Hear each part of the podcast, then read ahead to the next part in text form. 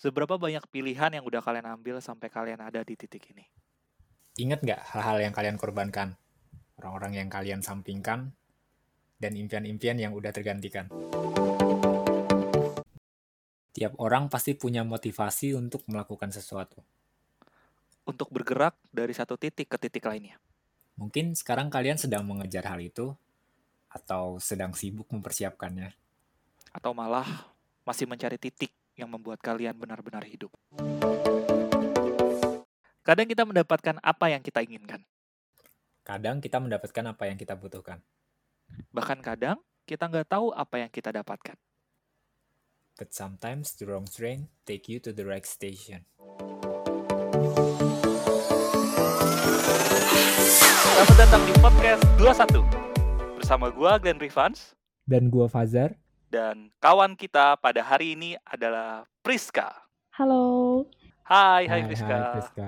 Gue kenal Priska itu udah berapa tahun ya? Udah lebih dari lima tahun. Iya, udah lebih dari lima tahun dari tahun 2014 kali ya. 2014. Sekarang 2020. Berarti 6 tahun. Iya. Uish. Eh, 2020 nggak dihitung, tetap lima tahun berarti. Kan 2020 nggak ada yang terjadi nih.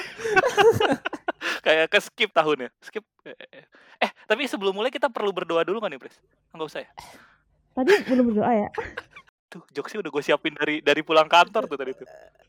Tapi tetap gak kena ya? Priska lagi sibuk apa nih akhir-akhir ini? Kuliah. Ada yang oh. lain sih uh, kayak aku bantu pelayanan di gereja. Sebenarnya juga pelayanan di gereja ini tugas kuliah gitu sebenarnya. Ada ada tugas tapi tapi ya begitulah. Tugas kuliahnya pelayanan di gereja. Iya, jadi kalau kamu aku kan tingkat dua ya, aku udah mulai pelayanan namanya pelayanan weekend, jadi pelayanan Sabtu Minggu di gereja. Hmm, mungkin dijelasin dulu kali ya, kuliahnya apa kok kok tugasnya pelayanan gereja gitu. Tugasnya nggak iya nggak bikin laporan. Oh iya betul betul ya. Uh, betul, betul. Ya sekarang aku lagi kuliah teologi di namanya ada STT Saat Seminari Alkitab Asia Tenggara. Ya memang dulunya kita satu kampus uh, di kampus Gajah. Tapi tapi tahun 2019 aku masuk kuliah lagi di STT saat ini uh, di bidang teologi gitu. Jadi aku udah udah masuk tingkat dua ini. Dulu di kampus Gajah ya, itu ambil jurusan apa, Pris? Aku farmasi ya, sekolah farmasi jadi aku masuk tahun 2014, lulus tahun 2018. Oke, jadi tadi farmasi lulus 2018. Betul. S1. Mm -mm. Terus S2-nya sekarang ngambil teologi. Iya. Sebenarnya nggak nyambung sih, tapi mungkin nggak nyambung sebenarnya. Nggak nyambung sih beda beda beda cara belajarnya, beda bidangnya, beda segala macamnya lah. Tapi mungkin keduanya bisa dimanfaatkan dalam waktu yang bersama gitu, mungkin agak beda ya. Ya bisa dipakai bersamaan tapi emang yang Priska sendiri bilang ini beda kan. Kalau memilih untuk masuk saat ini mulai kapan? Kalau boleh tahu. Kalau masuknya kan 2019 tadi ya. Ya, memikirkannya gitu kayak bergumulnya kayak oh. apa ya istilahnya? Ya berdoanya lah kalau bahasanya PMK kan. Ya, Didoain betul. dulu nih.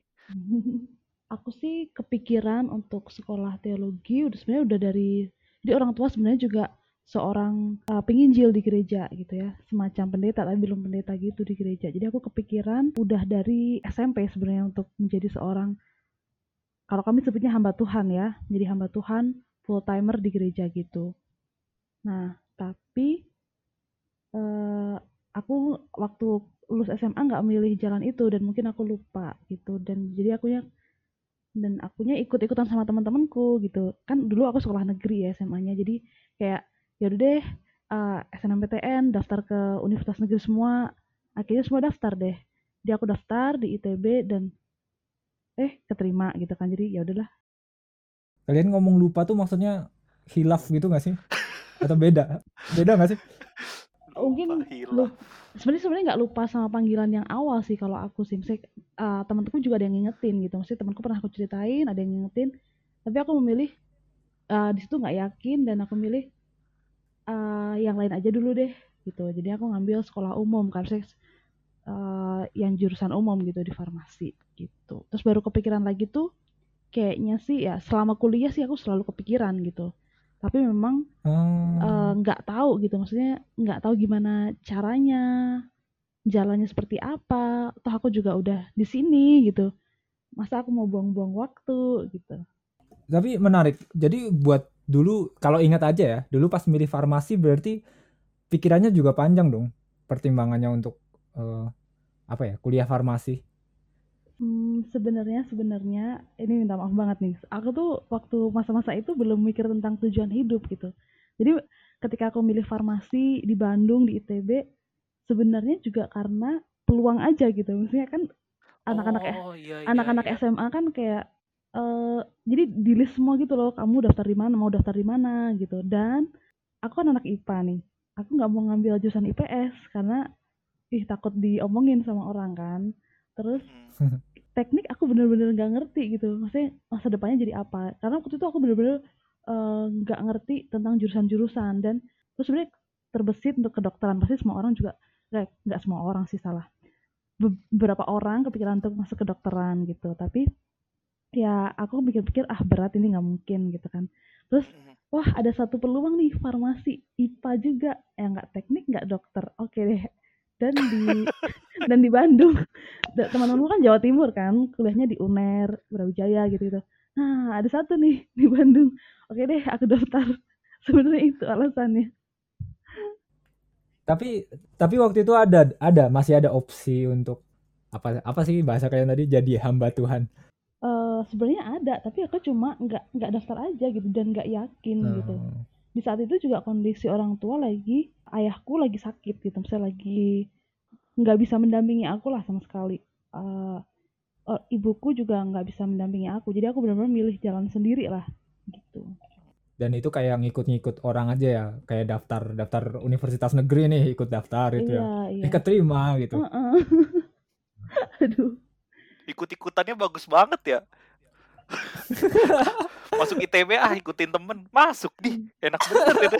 begini ya semua orang semua orang pasti bilang gitu tapi kayak ya mungkin ini memang eh, jalannya dia gitu bagiku Iya. Nah, terus jalannya Priska sekarang nih berarti. Tadi bilang eh, selama menjalani kuliah empat tahun kan berarti. Gila lulus empat tahun loh. jadi Priska kayak eh, sungguh-sungguh di jalan yang kemarin tapi pas lagi udah selesai langsung pindah ke jalan yang baru gitu sebenarnya sih aku sempat ya kayak ragu dengan melanjutkan kuliah gitu di di semester 5 ke 6 gitu. Karena aku merasa Oh ya, oh. Itu itu derita semua anak ITB nggak sih? tingkat tiga ya tingkat tiga ya. Tingkat tiga. ya. iya gitu. Merasa aku nggak nggak nggak nggak maksimal di sana apa dan apa nikah aja ini gitu ya enggak kalau lagi kesel ngerjain tugas pasti gitu. Aduh nikah aja gitu. Padahal nggak punya pacar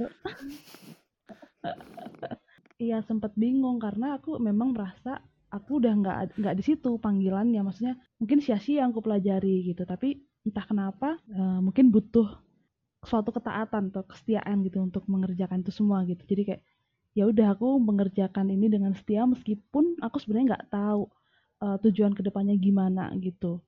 Ya mungkin aku juga orangnya lempeng-lempeng aja gitu ya maksudnya nggak terlalu yang gimana memikirkan. Ya udah eh, jalani aja dulu seperti itu Terus akhirnya eh, fix gitu. Maksudnya bener-bener ah gue mau lanjut ke jalan ini aja gitu itu kalau diinget mulai kapan tuh? jadi tuh eh, selam pokoknya setelah aku bergumul saya sedang bingung-bingung di tingkat tiga itu ya udah gitu itu cuma beberapa hari selama liburan gitu setelah kuliah ya udahlah menjalani seperti biasa mengerjakan eh, dengan ya sebaik-baiknya meskipun ya aku nggak merasa maksimal tapi ya berusaha sampai akhirnya kan pasti eh, di tingkat 4 ngerjain tugas akhir dengan adanya tugas akhir dengan adanya KP semuanya tuh kayak jadi nggak nggak mikir lagi ke tujuan awalku yang tadi bikin bingung bikin bingung gitu habis wisuda pun aku masih mikir untuk kerja sebenarnya meskipun aku dalam Hmm. hatiku aku harus mengumumkan harus mikir lagi tentang eh, menjadi seorang hamba Tuhan full timer tadi tapi aku tetap aja mencari kerja gitu tetap tetap berusaha mencari kerja sana sini. Dan dan aku sudah memutuskan sebenarnya nggak lanjut apoteker gitu karena aku dalam hatiku yang terdalam sebenarnya aku nggak ada di farmasi tujuanku gitu. Meskipun aku tahu farmasi itu baik banyak hal baik yang bisa aku kerjakan di sana. Banyak orang juga yang mengabdi di bidang farmasi tapi memang aku nggak punya tujuan ke sana gitu. Kamu benar-benar tahu itu bukan panggilanmu gitu ya. Iya aku merasa seperti itu waktu itu. Mm. Terus yang akhirnya ada nggak momen atau apa gitu? aku sambil jadi aku akhirnya sambil mencari pekerja sambil berdoa. Sebenarnya pas mencari kerja tuh aku uh, bingung banget gitu. Aku pengen daftar di tahun 2019 gitu. Tapi aku harus menghidupi hidupku yang sudah lulus dan pengangguran ini gitu kan. Jadi kayak ah, emang ada ya yang uh, pekerjaan yang mau nerima aku cuma enam bulan gitu aku kerja uh, cari kerja sana sini dan nggak keterima. Pada akhirnya Tuhan tuh uh, tolong aku. Menurutku ini uh, bukan usaha aku tapi kayak Tuhan tuh menyediakan jalannya gitu loh. Jadi waktu itu ada salah seorang jemaat di gerejaku di Bandung yang menawarkan aku pekerjaan gitu. Ini oh, perusahaan kecil sih. Maksudnya kalau anak farmasi kerja di sana itu nggak ada hubungannya. Kalau anak ITB kerja di sana mungkin ya ngapain gitu ya. Nah tapi uh, beliau mau menerima aku kerja cuma enam bulan gitu cuma enam bulan ya memang cuma untuk menghidupi aku selama di Bandung selama persiapkan semuanya dan beliau juga uh, yang menyediakan dirinya untuk menjadi sponsor aku ketika aku kuliah sekarang ini Oh. gitu. Oh. Iya, jadi kayak uh, itu bener-bener kaget sih soalnya waktu aku interview langsung ditanya bi berapa biaya sekolah di sana terus aku jadi bingung. Hah, kan ini interview kerja ya, kenapa ditanya Iya. ditanya Biaya kuliah di sana. kuliah doang? Aku juga belum uh, searching atau nyari-nyari tahu, belum tahu aku gitu kan jadi kayak tapi untungnya di internet ada gitu. jadi dia Oh langsung yang kamu searching di handphonemu saat itu juga gitu ya? tidak di searching oleh Oh. komputer bapaknya ini. Oh, langsung bapak itu yang searching sendiri. Oh, cari, udah cari aja berapa. Segini. Mas gini doang. Mungkin Enggak ya? Enggak, enggak, enggak. Sorry, sorry, sorry. Muncul Zara. Oh, lucu ya. eh, enggak, bentar, bentar, coy. Ini ini agak agak lompat kayaknya. Tadi tadi lu eh apa Priska bilang eh cari kerja untuk enam bulan berarti setelah enam bulan tuh maksudnya mau mulai kuliah setelah enam Mm-mm, bulan mau itu. mencoba mendaftar meskipun ketika Oh, mendaftar aku nggak tahu ya diterima atau enggak gitu. Oh, jadi itu belum daftar, belum belum diterima. Belum, oh, jadi emang Iya daftarnya bulan Mei ya. Bentar ya, sorry ya. Ini gua gua gua runtutin dulu ya. Soalnya rada melompat. Jadi emang setelah lulus emang emang bener-bener niat mau daftar kuliah S2 ini. Jadi sebenarnya agak gimana ya? Aku sebenarnya sendiri juga belum yakin. Jadi banyak ketakutan. Maksudnya banyak, banyak yang Hmm. ketakutan gitu misalnya kayak orang tua pasti mengharapkan orang tua keluarga besar mengharapkan seorang lulusan S1 di kampus ITB. ya itu pasti berharapnya pasti kamu nanti akan melakukan pekerjaan yang Jadi kaya lah, jadi kaya. Pokoknya jadi kaya. Eh, gitu. Aduh ya banyak ya banyak ketakutan-ketakutan dalam diriku seperti itu gitu. Nanti aku takut mengecewakan mereka semua.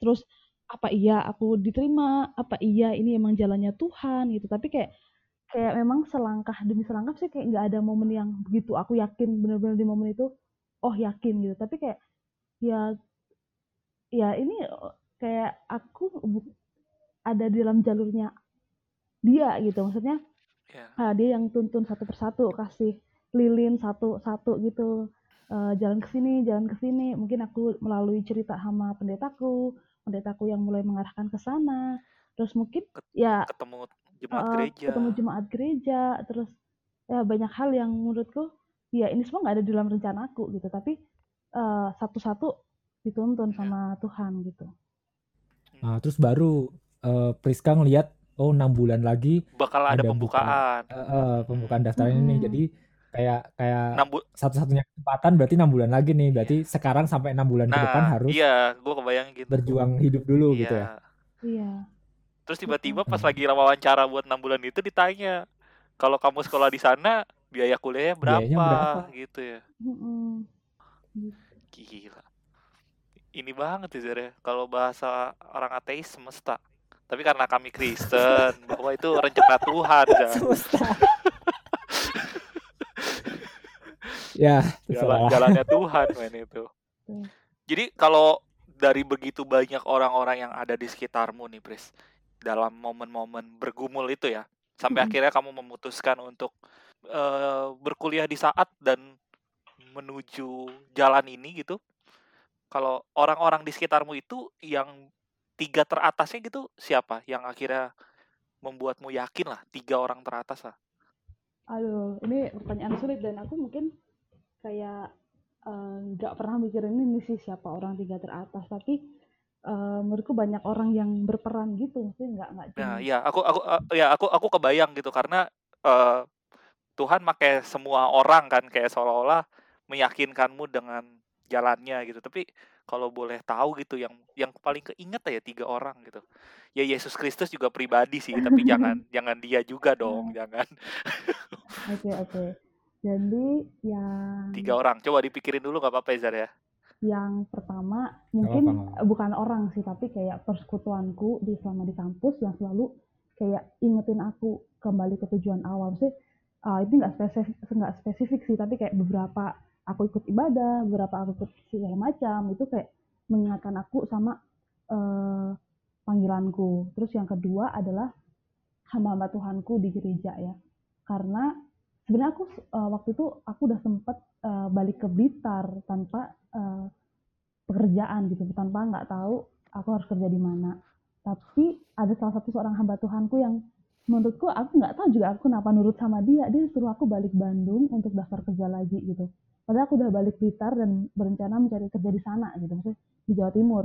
Tapi waktu itu eh, dia menaruh suatu aku daftar ke sini nih. Terus aku langsung balik ke Bandung tanpa tanpa punya tempat tinggal. Jadi aku sementara lima hari itu tinggal tinggal di gereja. Lalu eh, jadi selama sebulan atau kurang dikit itu aku numpang di teman-temanku gitu. Kayak lima hari, empat hari. Jadi tuh nggak punya kosan gitu. Dan itu menurutku pengalaman yang paling kayak wah nggak tahu malu tapi kayak eh, bersyukur gitu bisa eh, menjalani itu. Terus yang ketiga eh, mungkin ya yang jadi konfirmasi terakhir yang buat aku tercengang adalah eh, tadi eh, bos aku gitu yang bilang mau biayai aku. Soalnya waktu itu aku lagi cari-cari sponsor gitu dan dia dengan eh, mudahnya mungkin ya terus ngomong kayak ya aku mau jadi sponsor kamu gitu tiba-tiba kayak wow gitu Eh, kayak melihat kok baik banget Tuhan bisa seperti ini gitu Oh, jadi itu tiga orang yang paling paling apa? Paling berpengaruh kali ya dalam hal ini kayak teman-teman persekutuan, eh, pendeta dan akhirnya si bos ini. Untung lu nanyanya nggak empat, Glenn. Kenapa empat? Susah ya? Nomor nomor empat Glenn soalnya. Enggak ya? Kok enggak lah gua bahkan gua, Oh, enggak gua ya, bahkan enggak, enggak. komunikasi sama dia lagi tuh baru baru-baru ini banget. iya Enggak, ih enggak. iya. Oke, jadi sekarang udah udah udah jalan setahun berarti. iya setahun Ya. lebih lah Ya, kan? udah jalan setahun. Kalau S2 dua tahun kan berarti. Setahun lagi lulus.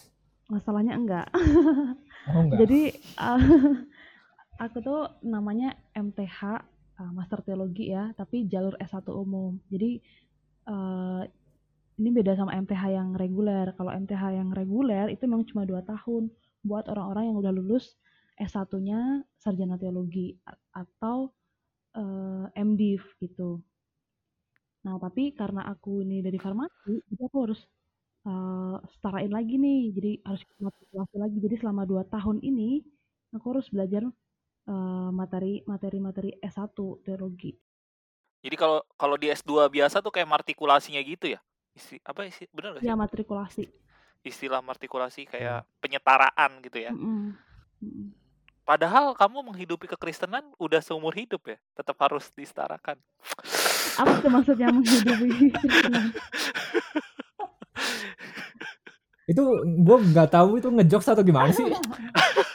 Ngerti. Iya kan gini Zar, dia kan orang misalnya gue dari teknik nih, dari teknik sipil pengen ke bisnis, kan harus ada martikulasi kuliah-kuliah bisnis di Iya, awal iya. kan. Nah dia kan dari dari farmasi pengen ke teologi kan, padahal Hmm. dia menghidupi kekristenan itu seumur hidup, kenapa harus dipadatkan lagi? Lihat hidup saya aja pak, wah gitu, keren ya, nggak bisa itu. Aduh. beda dong? Tapi mungkin pikiran banyak orang kayak gitu, Bang. Oh iya, tuh kan Maksudnya- bener Zar. Kadang Maksudnya cuma melihat dari hidupnya aja gitu. Padahal kan uh, kita nggak tahu gitu. Maksudnya menurutku ketika aku sekolah teologi banyak hal yang uh, mungkin aku dibentuk di dalam kehidupanku juga dan aku juga dibentuk uh, lebih rasioku lebih banyak dibentuk gitu. Kayak pemikiranku gini-gini Iya. gitu. Nah itu yang yang didapat ketika ngikutin apa ya S2 ini lah atau sekolah ini. Mm-mm. Tapi sebelum ngopetin ngomongin apa yang didapat dan apa yang itu ada struggle nggak sih selain waktu yang lama? Eh, jadi sebenarnya bukan cuma empat tahun sih kalau dihitung-hitung sampai wisuda tuh itu lima tahun ya ada prak- praktek satu tahun bisa di gereja di sekolah dan sebagainya gitu jadi baru setelah itu Hmm. wisuda gitu tapi ketika kamu praktek kamu udah selesai tesis selesai skripsi gitu Iya, kalau itu struggle yang selain selain apa namanya? Selain tadi waktu yang harus lebih panjang, terus harus matrikulasi dulu. Ada nggak sih Ah. struggle lain gitu? jadi da- ya memang lah pasti selama masih di dunia pasti ada struggle-nya masing-masing gitu. Kalau selama di kampus yang sekarang ini ya pasti ada struggle tersendiri di bidang akademik ya. Maksudnya rasio banyak hal belajar yang baru tapi di samping itu juga belajar tentang karakter banyak sekali karena aku memang tinggalnya di asrama eh, hidup sama banyak orang gitu. Kalau dulu kan di kos sendiri ya menurutku aku mengalami pertemanan yang rumit di sini sih. Kalau dulu memang kayaknya biasa-biasa aja. Kalau di sini kayak masalahnya orang-orang yang di sini yang ada di kampus juga orang-orang biasa yang berdosa juga gitu. Nah ini sih pemikiranku yang salah dan juga mungkin pemikiran orang-orang yang pernah memikir yang salah gitu. Pasti selalu mikir eh, pasti kalau kamu di seminari sekolah teologi pasti orangnya seperti malaikat-malaikat. Ya enggak lah kalau malaikat kita bukan manusia gitu kan aku menyadari kita ini sama-sama lagi dibentuk loh. Aku juga nggak sempurna mereka juga nggak sempurna. Tapi kayak ayo belajar bareng gitu. Kayak eh, kalau iya pasti banyak hal yang mengecewakan gesekan dan segala macamnya. Tapi eh, kayak belajar cara mengatasi itu semua dan itu kayak kurikulum yang berbeda gitu nggak yang nggak pernah aku temuin gitu. Jadi kalau di bidang akademik juga aku merasa susah sih karena eh, beda gitu. Kalau kemarin kan aku belajarnya ilmu pasti tuh kayak farmasi ah, hitung menghitung mungkin kayak gitu kan. Yang udah ada gitu konsepnya dan lain sebagainya. Tapi kalau sekarang tuh kayak aku harus menganalisis eh, dari bacaan dari buku dan lain sebagainya. Jadi kayak jadi ya benar aku juga jadi belajar filsafat gitu-gitu dan belajar berpikir kritis. Jadi kalau aku boleh ulang berarti kan pertama waktu yang panjang, harus mata kuliah yang baru banget dan hidup bersama orang-orang yang baru dengan konsep asrama pasti mengalami pembentukan karakter dan yang namanya pembentukan itu pasti rasanya nggak nggak nyaman kan. Selain itu ada lagi nggak, Pris? mungkin ini sih eh, melepaskan apa yang menjadi milikku gitu maksudnya kayak aku mungkin orang yang egois yang nggak pedulian jadi harus kayak melepaskan keegoisanku melepaskan keakuanku aku orang yang eh, ngotot pengen ini jadi kayak harus lebih rendah hati Kalau Priska yang paling susah untuk hal itu apa? Hal yang mana gitu? Hmm, tentang aku sih merasa paling dibentuk selama setahun terakhir ini adalah tentang relasi sih. Bagaimana sih cara uh, mendukung, cara menegur yang baik uh, dan mengerti kondisi orang gitu. Bela- belajar belajar banget sih untuk mengerti kondisi orang tidak langsung menghakimi gitu sih. Kayaknya struggle-nya eh, glorious gitu ya. Indah gitu nggak sih? Nggak tahu sih. Gue gue ngelihatnya struggle struggle yang proses belajar Kok tuh bisa gitu? Iya struggle yang mer- yang ya proses belajar kan berarti suatu proses yang nggak belajar juga Hmm. proses apalah proses apa pun itu sesuatu yang apa ya fun gitu sih menurut gua ya gua gua dengernya ya. Ya iya Iya. sih. kalau kalau ini ada nggak sih? Hmm, apa ya? Hal yang dikorbankan gitu. Ya selain selain ini selain jadi seorang farmasi gitu. Mengorbankan Hmm. mengorbankan gelar S1-nya Hmm, kalau secara umum mungkin ya secara orang lihat ya. Mungkin orang-orang mikir kayak ah sia-sialah S1 kamu. Nah, harusnya eh, ini saudara-saudaraku ngomong dekat harusnya kalau kamu kerja kamu pasti udah punya uang banyak gitu mungkin kamu bisa bahagian orang tua dan lain sebagainya dan gitu-gitu tapi eh kalau aku ngelihat ya sebenarnya nggak ada yang terlalu besar untuk kukorbankan sih ketika aku memang mengerjakan tujuan tujuan Tuhan gitu Eh, BTW pendaftaran saat selanjutnya kapan? Kok lucu ya? Pa- Padahal bagus loh itu. Kok lu gak ketawa sih, Sar? Kok lu bener-bener gagal works dengan jokes-jokesnya ya? Gua iya kayaknya Gak kebayang ya? Maksudnya kapan pendaftarannya gue mau daftar gitu. Iya iya tahu tahu. Gua gua lagi nggak mau mikirin jokes lu aja. Enggak tadi Priska bilang itu lu dibilangin sama saudara-saudara. Emang ada yang ngomongin kayak gitu? ada ada tetangga lah. Maksudnya yang bener eh, yang mungkin memang ya pemikiran mereka beda. Eh, gini kalau orang mungkin mikir kayak eh, kamu yang penting itu bagian orang tua. Hidup enak hidup bahagia tidak ada kesusahan gitu kan. Tapi beda dengan pemikiran kami gitu. Mungkin yang eh, kami imani ya aku sama Bang Glenn gitu kayak ya bukan itu gitu. Bukan tujuan utamanya bukan kebahagiaan yang mereka anggap bahagia itu loh gitu Oh iya, orang orang tua kamu sendiri gimana sih, Pris? Kan kata tadi katanya eh papa ya, ayah ayah kamu ya, ayah juga ini kan. Bapak sebenarnya juga hamba Tuhan kan orang yang di Hmm. gereja juga jadi sebenarnya dia mendukung mendukung aja dan uh, dia tahu kehidupan seorang pendeta atau hamba Tuhan itu gak mudah gitu jadi kayak dia selalu ngomong ke aku uh, kamu harus yakin uh, beneran gitu. Yakin mau ini seperti ini kehidupan. Kamu bisa lihat kan kondisi orang tua juga uh, secara ekonomi mungkin gak baik gitu misalnya uh, biasa-biasa aja gitu pas-pasan gitu.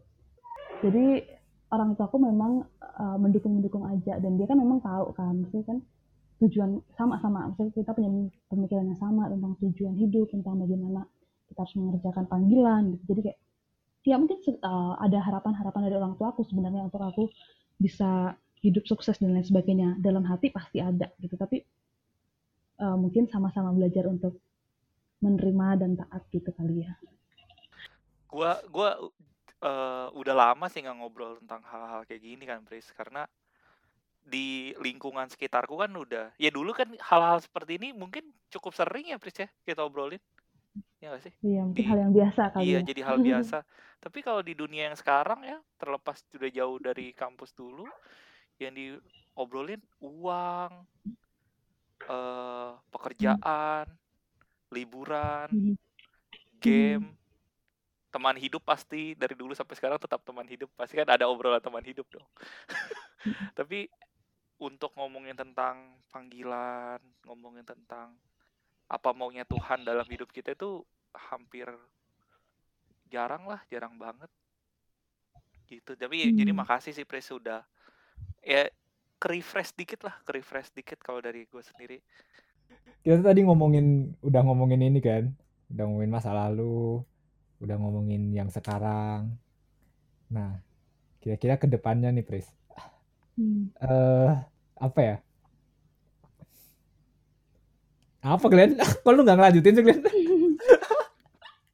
Priska jangan pengen jadi pendeta. Jangan gitu dong, nanyanya dong. Eh, Gak apa-apa dong. Maksudnya biar jelas-jelas coy. gue beneran gak tahu Pris. Jadi lulusan lulusan saat itu pasti jadi pendeta gak sih? Atau secara umum master teologi tuh nggak usah master Hmm. teologi, sarjana teologi, ya pokoknya lulusan teologi tuh Nah, ini mungkin beda-beda ya setiap kampus, setiap STT gitu. Mungkin banyak orang yang menganggap bahwa sekolah teologi jadi pendeta. Enggak, enggak juga sih. Karena kalau di gerejaku sendiri, jabatan pendeta itu bukan didapat dari gelar gitu, tapi dari eh, gereja itu gitu. Tapi mungkin setiap gereja beda-beda. Dan kalau ditanya aku mau ke mana ya tadi ya, aku memang mau melayani di gereja sih. Eh, kalau urusan pendeta atau nggak pendeta itu urusan nanti lah. Yang penting aku eh, melayani jadi full timer untuk selama ini sih kerinduanku di gereja sih. Kan bisa bisa aja kayak aku di sekolah atau mungkin di suatu yayasan. Di gitu. perkantas.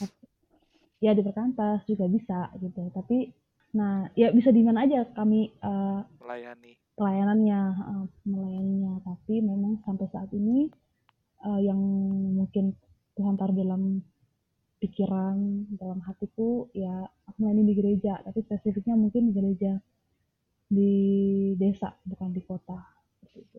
Gereja dekat rumahmu gereja gerejamu mungkin yang kamu pikirkan sekarang enggak? Iya betul. Oh. soalnya soalnya ini ada sejarahnya ya bukan.